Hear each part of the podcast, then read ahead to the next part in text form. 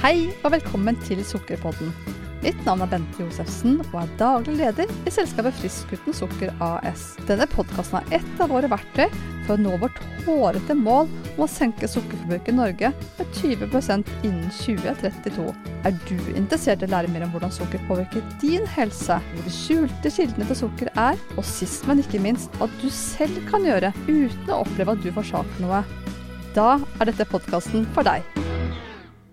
Sukker den snikende trusselen mot folkehelsen, og kanskje din helse, er spørsmålet jeg stiller i dagens episode. Først vil jeg at du skal ta et par sekunder og tenke på de viktigste organene i kroppen din. Altså de organene du ikke kan leve uten. Ja, kanskje tenker du på hjertet ditt, eller hjernen, eller lungene. Men tenkte du på bukspyttkjertelen, altså jeg kan ikke leve uten bukspyttkjertelen. Jeg antar at flesteparten av dere ikke gjorde det. Bukspyttkjertelen er gjemt bak magen, altså bak venstre nede brystkasse eller ribben. På innsiden av bukspyttkjertelen er det små klynger av celler som kalles betaceller. Du har kun to gram av disse, og de er på størrelse med kun to små mandler. Men allikevel, disse livgivende cellene gis overraskende lite oppmerksomhet, synes jeg. Hvis du skulle visne bort eller ikke slutte å fungere, altså i fravær av medisinsk behandling, vil du bokstavelig talt dø i løpet av få uker. Det beskriver hvor viktige dine betaceller er. Du vil faktisk dø. Og der begynte jeg å snakke om død allerede, i første minutt av denne podkasten. Og du tenker kanskje at jeg er en skikkelig negativ gledesdreper. Men den gode nyheten er at denne podkasten er full av gode nyheter. Gode nyheter og enkle tiltak du selv kan gjøre for å sitte i førersetet for din helse. Så følg med nå. Her er hvordan betacellene virker, eller arbeider om du vil. For hver gang du spiser sukker eller andre raffinerte, raske karbohydrater som eksempel brød, pasta, ris, potetgull osv., så sirkulerer blodet ditt fra hodet og ned til tærne, gjennom hele kroppen. Betacellene er sikkerhetscellene for blodet ditt. Så fort de ser dette rushet av sukker, kaller de inn et team av lastebiler for å frakte alt sukkeret ut. Altså, lastebilene kalles for insulin. Og insulinets jobb er å frakte sukkeret ut av blodet og mate leveren din, musklene dine, eller lagre det som fett. For du vil ikke ha dette overskuddet av sukkerne, sukker værende i blodet ditt. Det høres kanskje uskyldig ut, eller hva? Men her er problemet. Millioner av mennesker over, overarbeider kroppens forsvarssystem.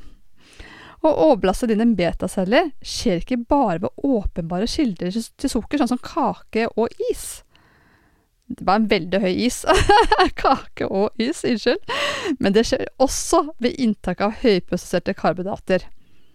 Altså mat som yoghurt, granola, frokostblandinger, brød, pasta ja, og alkohol. Til og med inntatt i det vi kaller for moderasjon. Hver gang du spiser slik mat, sender dine betaceller alarm for å lage mer insulin. Og dette er skummelt fordi, på lik linje som alt annet som ble overbrukt, som biler og PC-er, og, og deler blir slitt ut, så leder det til at betacellene faktisk brenner ut, altså de slutter å fungere slik det er tenkt. Dette er et annet navn på prediabetes, som kan lede til diabetes type 2. Altså det er for, forstadiet til diabetes type 2, som du virkelig ikke vil lide av. At betaceller brennes ut kan skje med alle, har mye å gjøre med dine valg av mat hver eneste dag. Ettersom betacellene svekkes over år, starter blodsukkernivået ditt å øke til et farlig nivå. Kanskje mens du aner fred og ingen fare. Ja, for det kommer gjerne litt snikende.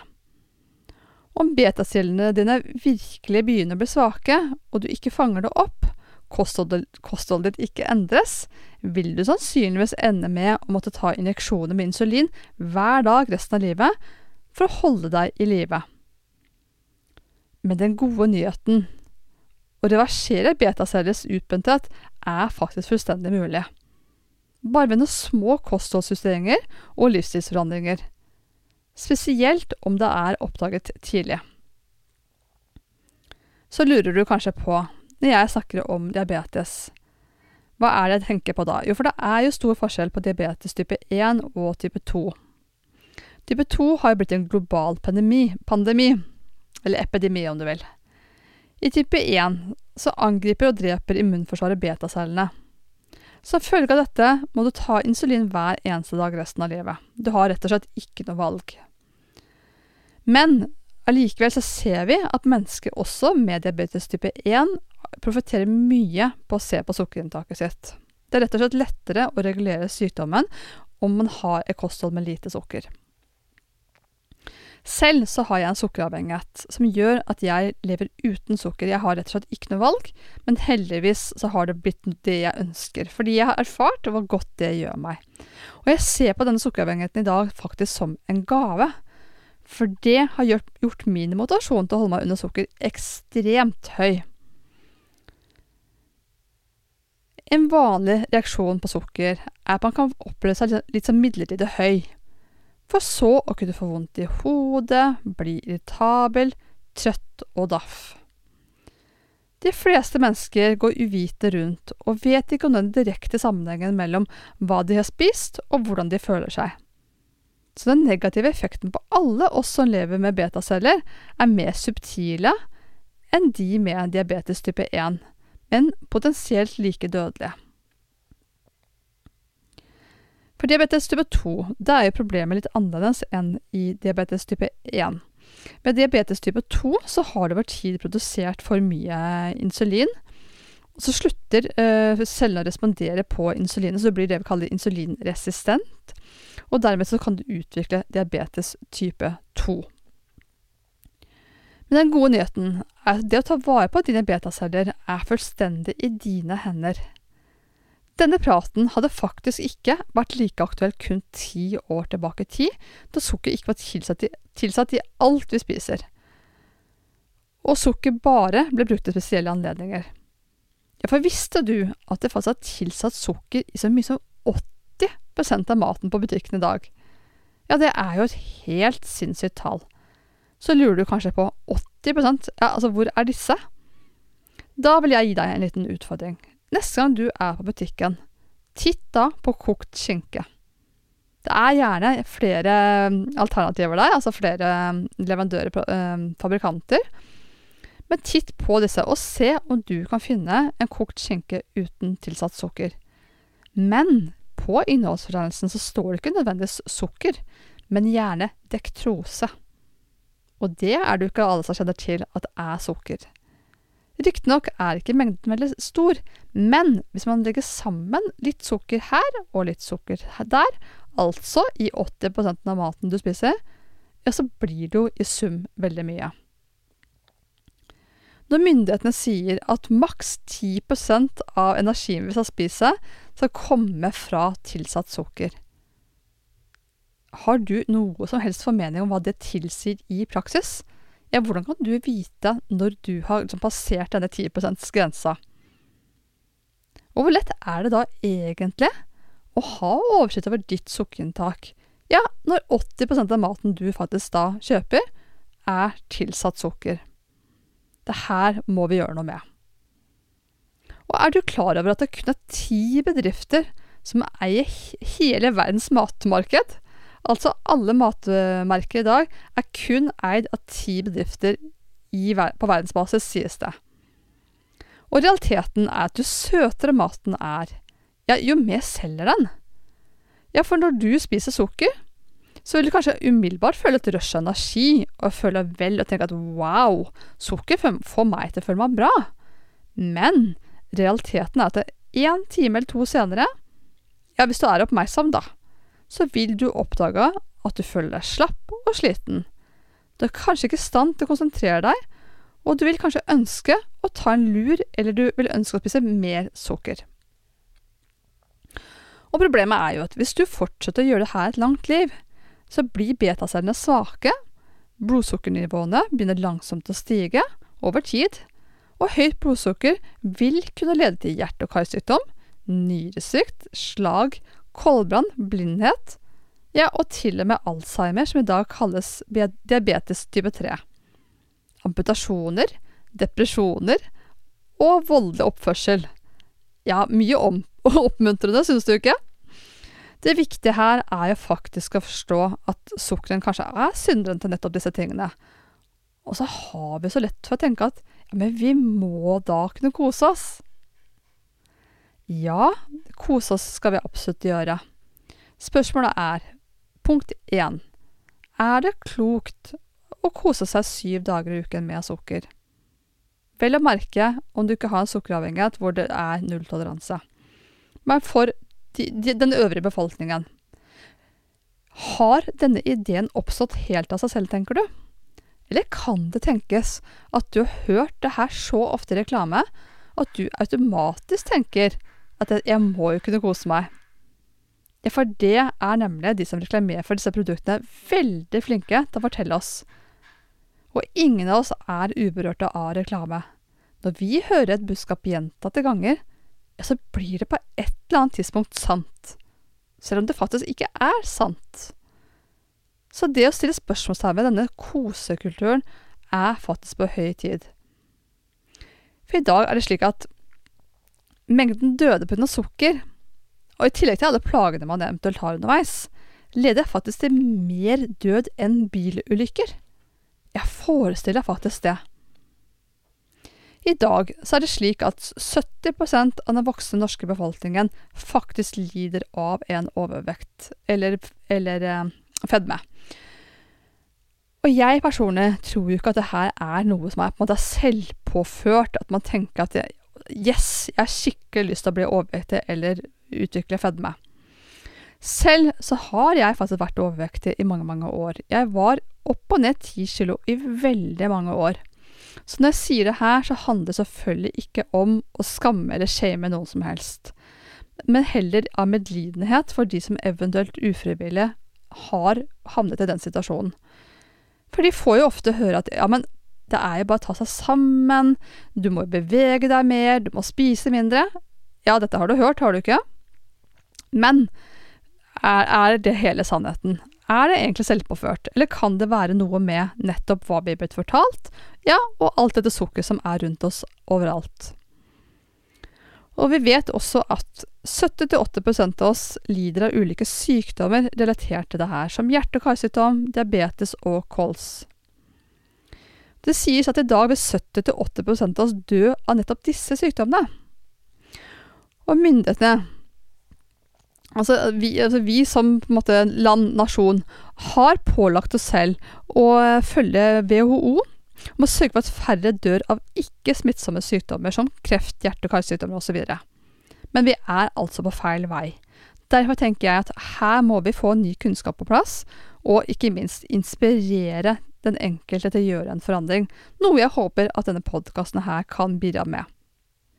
Så altså, med den hastigheten vi bruker sukker i dag, er ikke lenger sukker en godbit for oss.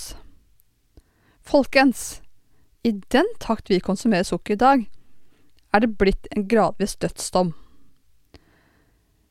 Men den gode nyheten, som jeg sa, selv om det jo er et stort problem, så er det noe vi kan ta tak i selv. Vi kan ta tak med egne hender.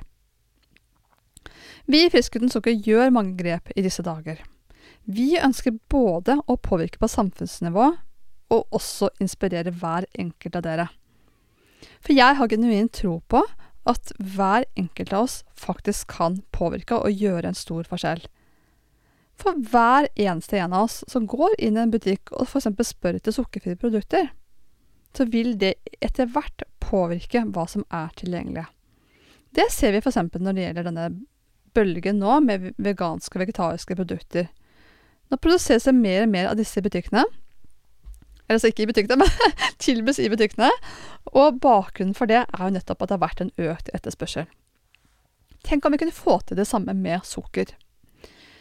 Vi i Frisk uten sukker har nå utfordret flere aktører som naturlig ikke burde ha solgt sukker, som for eksempel Elkjøp, Power og Plantasjen. Ja, for når ble det vanlig å finne sukker i disse butikkene? Ja, for er det logisk at når du kjøper deg f.eks. en vaskemaskin eller mobiltelefon, at du skal bli tilbudt en kilo mer sjokolade på kjøpet? Og hvorfor i alle dager, og når skjedde det, at apotekene begynte å selge godteri?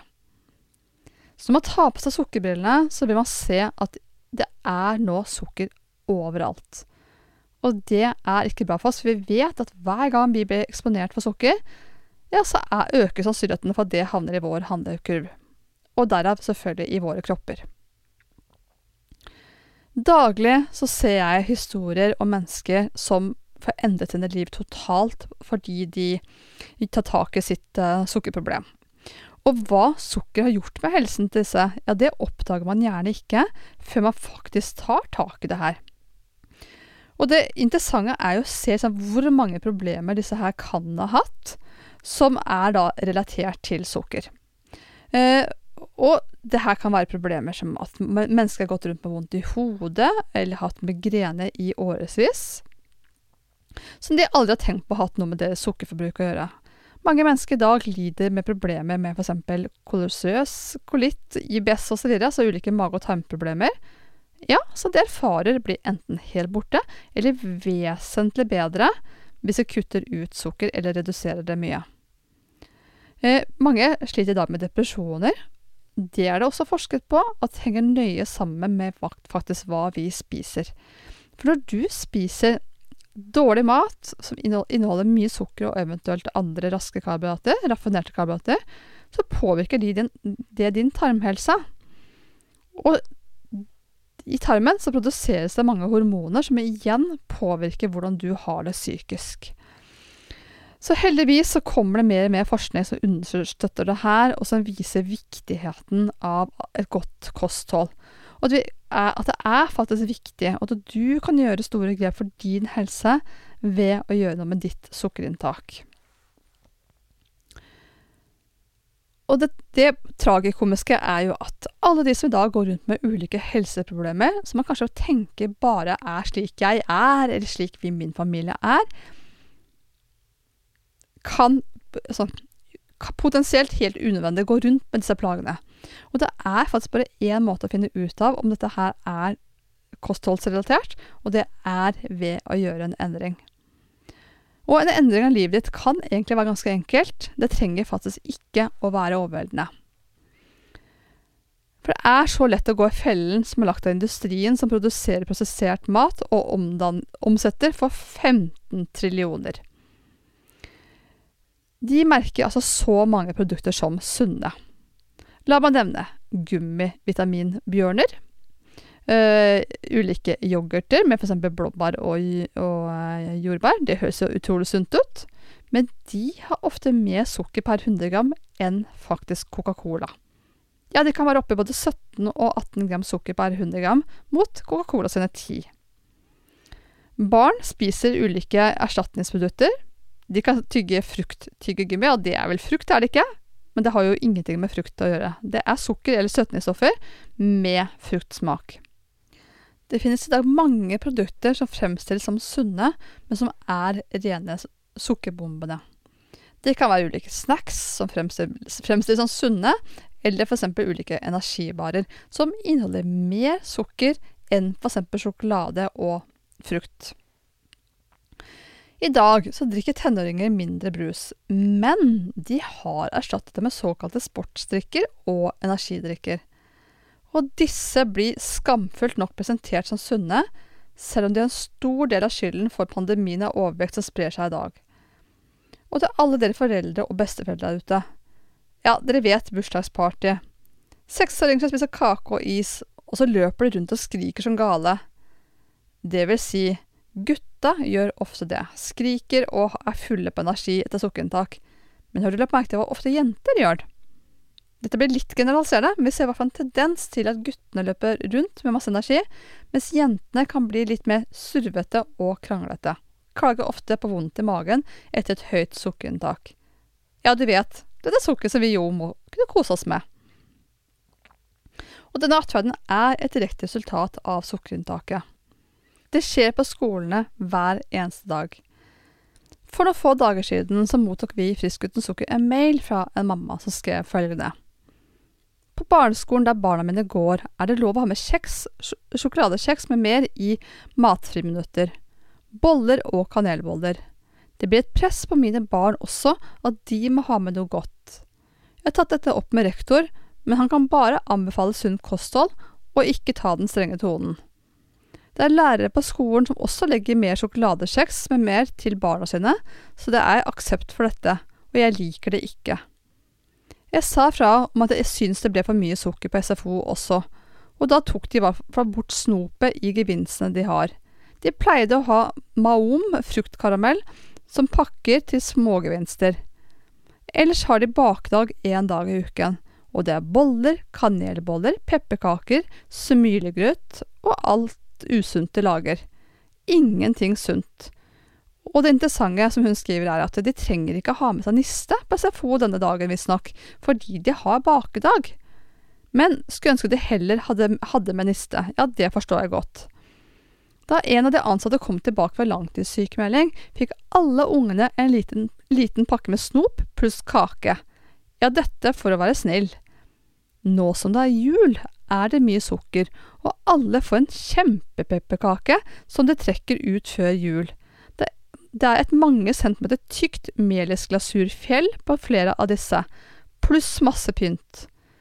Det er bare én stor pepperkake til hver, men den er nok til flere dager, så de knasker på den flere dager. Må jo spises før den blir dårlig. Sånn går det, og jeg er den som setter foten ned, men kommer ikke gjennom. Jeg vil ikke mase mer og være den vanskelige. Hva gjør man? Har du noen tips til hvordan skole kan få bort sukkeret, som har satt seg altfor godt fast? Kunne du tatt fokus på dette og skrevet noe om det? Må bare bruke teksten min om du vil. Og det er jo veldig symptomatisk, syns jeg, med den tendensen jeg selv ser i samfunnet i dag, og det her hører vi stadig vekk. Så at det har skjedd noe med holdningene våre knyttet til sukker, og denne illusjonen om at vi må kunne kose oss, er helt åpenbar. Og jeg tenker det handler om at man forstår faktisk ikke alvoret bak sukkeret, og at jeg tror vi dessverre har blitt altfor påvirket av denne reklamen om at vi må kunne kose oss. Og hvis vi fortsetter slik, ja, da vet vi hvor pila peker, som jeg sa innledningsvis. Altså, altså utviklingen av livsstilssykdommer går dessverre feil vei, og vi må gjøre noe med det her. Og det triste er at vi fortsetter å gjøre dette også som voksen. Ja, mange voksne spiser f.eks. pasta og har øl til. Pizza og øl, pasta og brød. Ja, det har faktisk samme effekt. I henhold til Verdens helseorganisasjon, altså WHO, er det i dag over 420 millioner mennesker med diabetes type 2. Og det tallet bare fortsetter å stige. I USA alene, om det spisevannet ikke endres de neste tiårene, da vil altså én av tre ende opp med å ha diabetes type 2. Og vi ser jo samme utvikling dessverre her også i Norge. Og hvis, hvis denne trenden fortsetter, så betyr det at det er noen du kanskje kjenner og elsker, eller til og med at dette kan bli deg. Vi har jo alle blitt så hjernevasket av at vi tror at inntak av sukker på daglig basis er ok. Men det er ærlig talt det samme som da legene anbefalte røyk. Ja, husker du det? Ja, det var jo reklameplakater av atletiske mennesker på sykkel som røyket. Og hør på dette her, det gjør meg virkelig sint, for standard råd for både barn og voksne som har diabetes, er at de kan spise så mye sukker de vil, bare de tar insulin. Det vil si, man har begynt å moderere noe, men å ta bort sukker skal man i hvert fall ikke gjøre. Det er unødvendig strengt, er oppfattelsen. Men blodsukkersvingningene som denne type spising medfører, på deres dyrebare voksne kropper, altså barna, det er faktisk en medisinsk tragedie. Det er tragisk fordi løsningen er faktisk veldig enkelt. Enkel. Vi må spise mindre sukker. Vi i Frisk uten sukker har hatt mange klienter med diabetes type 2 som har spist seg helt symptomfrie fra det. Og det som gjør meg personlig veldig opprørt, er at fordi man sitter med en oppfattelse av at det å gjøre noe med sukkerinntaket Det er veldig trist. Stakkars de menneskene som må liksom, gjøre noe med sukkerinntaket. Så gis man heller ikke informasjon om at det fins et alternativ til medisinering. Men har du diabetes type 1 eller 2, så skal du selvfølgelig gjøre det her i samråd med legen din hvis du ønsker å gjøre noe med sukkerinntaket, fordi det kan påvirke hvor mye medisiner du trenger. For det morsomme og det interessante og det positive er at du relativt fort kan klare deg med mindre medisiner om du gjør noe med ditt sukkerinntak. Det gjelder både de med diabetes type 1 og type 2. Men er det realistisk å få alle til å slutte med sukker? Nei, det tror jeg definitivt ikke. Med mindre man har en avhengighet, som sagt. Da er det eneste løsningen. Men om vi som samfunn kunne gått tilbake til si lørdagsgodteriet istedenfor mandag, tirsdag, onsdag, torsdag, fredag, lørdag, søndag, ja, så hadde vi kommet veldig langt. Hadde vi gått tilbake til en sånn 80-20-regel når det gjaldt å spise ordentlig mat, ja, så ville det også vært helt fantastisk. Fordi at all denne ferdigmaten i dag, eller stort sett det meste av ferdigmaten, altså det vi kaller høyprosessert mat, gjør noe med helsa vår. Det er ofte tilsatt mye sukker og også stivelse, som også omdannes til sukker. Pluss at det viser seg at denne maten her er langt ifra så næringsrik som om du hadde spist det vi kaller naturlig mat, altså kjøtt, fisk, fugl, skalldyr, egg osv. For hvis du ser på innholdsfortegnelsen på produkter, står det én ting ja, så kan du være sikker på at det stort sett er ganske sunt, med mindre det er sukker, da. Men står det kjøtt, står det egg og syre, så er det sunne produkter. Det er naturlige produkter. Men er det liksom 20 ingredienser i et produkt, så er det veldig langt ifra sin opprinnelse, og er det vi kaller da et høyprosessert produkt. For konklusjonen er at sukker vil aldri få deg til å føle deg bra. Og det vil aldri motivere deg til å gi deg en god dag. Vår fremtid avhenger av et friskt samfunn og friske mennesker. God folkehelse er en ressurs, og vi trenger derfor en ny strategi, mener jeg. Det er mye snakk om miljø disse dager, og det er veldig bra. Men det jeg syns glemmes i denne miljødebatten, er hvor er liksom oss mennesker i det hele? For jeg mener at friske mennesker må jo være tross alt det mest miljøvennlige.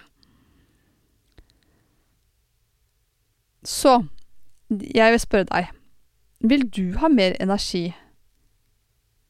Vil du ha mindre angst? Kanskje bedre hukommelse? Mer produktivitet? Bedre hud? Bedre søvn? Mer glede? Det å redusere inntak av sukker og høyprosessert karbohydratrik mat fra ditt kosthold kan forandre ditt liv. Jeg ser det hver eneste dag med våre klienter. Noen av dere føler kanskje på, føler kanskje på motstand og er overveldet. Dette høres kanskje ut som en stor forandring, og du kanskje føler deg helt paralysert. Eller du har prøvd før og feilet. Men vær ikke redd, jeg har et forslag til deg. For når du skal gjøre en stor endring i livet, så kan du starte med de små stegene. Det er faktisk alt du trenger. Så jeg har tre steg som deg som du kan prøve allerede nå. Så hvis du føler deg motivert etter å ha hørt på det her, så prøv gjerne alle tre. Punkt én. Start dagen med noen proteiner og fett til frokost. Proteiner er f.eks. kjøtt, fisk, fugl, egg øh, osv. Oster. Så hvis du starter med dette her til frokost, da kan du f.eks. lage deg en omelett, koke eller steke egg, noen syns det er fint med bacon, du kan ha spekemat, du kan ha eh, f.eks. røkt laks, eller ta noe reker blandet med litt majones. Så starter du dagen med stabilt og balansert blodsukker. Og da gir du kroppen en balansert energi, og det er den beste starten på dagen. For hvis du starter dagen med masse sukker, eller andre raske karbohydrater, så har du ikke den jevne metthetsfølelsen. Du har et ustabilt blodsukker, du blir fort sulten og kanskje slapp og uopplagt. Og det interessante med akkurat det grepet her, er å legge merke til hvor lenge mett er du etter den type frokost. Mange får seg en veldig positiv aha-opplevelse av nettopp det. Og det neste er at hvis du har lyst på noe søtt, og spesielt kanskje etter middag, så ta deg et glass vann i første omgang. Prøv vann først. For hvis du f.eks. er dehydrert, så kan det oppleves som å være sulten. Så hvis du prøver vann først, så finner du ut om det her kan stemme for deg. For har du faktisk 5% reduksjon av din hydrering, så vil det kunne føre til 20% svekkelse av din energi. Og det, et par andre triks også kan være å tilsette litt salt i vannet. Så ta en liten, sånn, det vi kaller saltshot hvis du er sånn slapp og sliten på ettermiddagen. Ta en halv teskje med salt i et glass vann, og drikk, og se om du blir mer opplagt av det. Eh, du kan også ta det vi, eh, som heter L-glutamin. Altså L-glutamin står det ofte på boksen, som du har kjøpt på helsekostbutikk, som også kan avdempe søtsug. Og eller du kan teste kokosolje, som du får kjøpt både på helsekost og også i vanlige butikker. Som du kan tilsette kaffe, te eller, eller varmt vann, rett og slett. Så du kan ta en teskje i en kopp og drikke. Så det kan være et triks for å se om det kan hjelpe. Og så, når det gjelder det, det tredje tipset jeg har til deg i dag Hvis du tenker at du liksom absolutt ikke kan klare deg uten pasta eller pizza eller ris osv., så, videre, så er det mange alternativer til denne type det vi kaller høykarbomat i dag. Pizza kan du f.eks. erstatte med blomkålpizza. Det er bare å søke opp blomkålpizza. Pasta kan byttes ut med squashpasta. Utrolig nydelig. Bare å google. Og er du veldig glad i ris, har du prøvd blomkålris f.eks.? På butikken i dag så får du kjøpt ferdig sånn revet blomkål som du fint kan steke i smør. Tilsette litt uh, salt og pepper, og f.eks. karri. Og må du ha noe søtt, så er det lurere av deg å f.eks. spise litt bær med fløte enn f.eks. å ryke på godteri. Og er du glad i frukt, ja, så vær oppmerksom på at det er mye lurere at du spiser hel frukt, enn at du drikker fruktjuice. For når du drikker juice, så er fibrene borte. Og det er mange appelsiner f.eks. i et glass appelsinjuice, og det blir mye sukker av det. Så spis heller hel frukt. Så hva er konklusjonen på denne episoden her? Hva er det jeg vil at du skal sitte igjen med? Jo, at det å redusere sukkerinntaket kan bli livsendrende for deg. Virkelig livsendrende. For du har nemlig disse betacellene som jeg begynte med innledningsvis, som du må passe på, og du må beskytte disse. For når du har kunnskapen, ja, så har du også faktisk makten. Hvis du reduserer sukker i ditt kosthold, og du spiser mat som du faktisk er ment for, altså naturlig mat og ikke denne fabrikkmaten, så få gir du deg selv de beste forutsetninger for å få et fantastisk liv og en god helse. Og for deg som syns at denne podkasten har vært spennende, og som ønsker bedre helse og livskvalitet, ja, så har jeg en god nyhet til deg. For mange kan fornekte helsen og si at men jeg har jo egentlig god helse, jeg er veldig sjelden syk. Og det er supert. Men selv om kanskje forkjølelsesvirus ikke biter så ofte på deg, har du fravær av smerter og ubehag? Ja, for hvis du eksempel har mye vondt i hodet, eller problemer med magen, eller muskler ledd, eller ja, har dårlig søvn, er mye sliten, tenker du da at du har den mest optimale helsen, og hva gjør det her eventuelt for din livskvalitet? Vi i Friskhetens Sokker vi ønsker virkelig å by på masse inspirasjon. Og vi har også satt et hårete mål for Norge. At vi skal bidra med å redusere sukkerinntaket i Norge med hele 20% innen 2032. Og grunnen til det er fordi at for det første så er folkehelsa på feil vei, dessverre. Vi må legge en ny strategi. Vi må gjøre noe med dagens trend. Vi må snu, faktisk, for at vi skal bli lykkelige og sunne mennesker fremover. Vi vet at for å få til det her, så må vi få et kunnskap, vi må inspirere mennesker til å gjøre de små tingene som skal til da, for å få til en forandring. Og derfor så lanserer vi nå en ny inspirasjonsklubb med navnet FUS-klubben. Det er jo da forkortelsen for Frisk uten sukker. FUS-klubben sukkervett med frisk uten sukker. Hvor kult er ikke det? Jeg er personlig veldig stolt av denne klubben her, som jeg vet vil endre livet til så mange mennesker. Og hensikten er å gi deg kunnskap, slik at du kan ta bevisste og kunnskapsbaserte valg. For når du vet hvor sukkerbombene er, når du vet hva du kan gjøre, ja, så har du et alternativ. Da tar du i hvert fall valg basert på kunnskap. Vi ønsker å gi deg inspirasjon til å gjøre en forandring. Ikke bare kunnskapen, men også inspirere deg til faktisk ta tak i dette her. Vi ønsker å gi deg konkrete verktøy, sånn at du ikke bare sitter med masse sånn ideer og kunnskap flyende rundt i hodet, men faktisk vise deg hva konkret kan du gjøre. Og det uten at du opplever at du sitter og forsaker masse ting. Og vi ønsker å gi deg et samhold med andre mennesker, hvor vi heier på hverandre. Så det her kommer til å bli så spennende fremover. Og ikke nok med det, for å kickstarte det hele, så får du også med deg vårt populære sukkerdetox-kurs, som starter opp 10. januar. Og det kurset her har da en verdi på 299.